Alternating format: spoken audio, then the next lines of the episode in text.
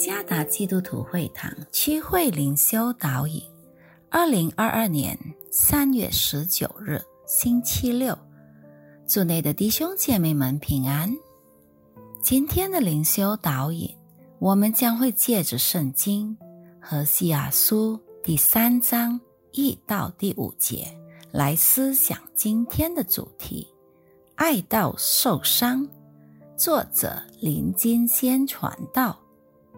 何西亚书第三章第一节，耶和华对我说：“你再去爱一个淫妇，就是他情人所爱的，好像以色列人虽然偏向别神，喜爱葡萄饼，耶和华还是爱他们。我便用银子十五舍克了。”大麦一赫梅尔半，买它归我。我对他说：“你当多日为我独居，不可行淫，不可归别人为妻。我向你也必这样。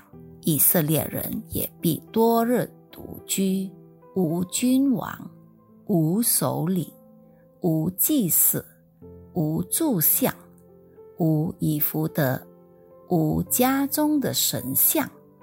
后来以色列人必归回，或作回心转意，寻求他们的神耶和华和他们的王大卫。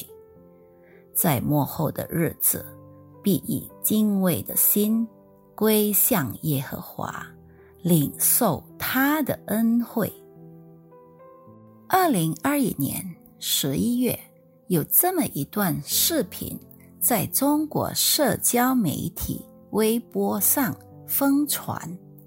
视频中，一名女子在一名男子的跟前下跪，那名女子央求那名男子放过她，不要再追求她的爱了。原来。那个男子长期纠缠着女子，已长达五年，却一直遭受到拒绝。这一次，他再次用一束鲜花来表达他的爱意。可惜的是，那个女子仍是无法接受男子的爱。荷西阿也经历了一段不回报的爱情故事。在第一章中，上帝命令何西阿去娶不忠心的歌灭为妻。婚后，歌灭依然生活在罪中，并与其他男人行淫。在何西阿第三章第一节中，上帝又命令何西阿再去爱那已离弃他，又与别人行淫的妻子。为了赎回他的妻子，何西阿还得花一大笔赎金，为他卖身为奴的妻子赎身。参看第二节。何西阿的所作所为，反映了上帝对以色列的爱。上帝不断主动的寻找，并把转向拜巴利的以色列带回。尽管那伤透了他的心，但是上帝从未停止爱他的子民。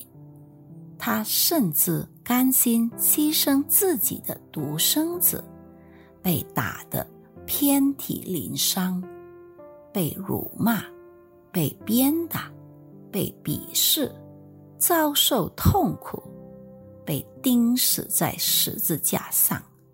为的是要赎回那些根本不值得被爱的子民，那就是上帝的深爱，爱到受伤。基督在十字架上的牺牲，使我们能体验到饶恕和恢复关系的恩典。故此，我们应当持续忠心。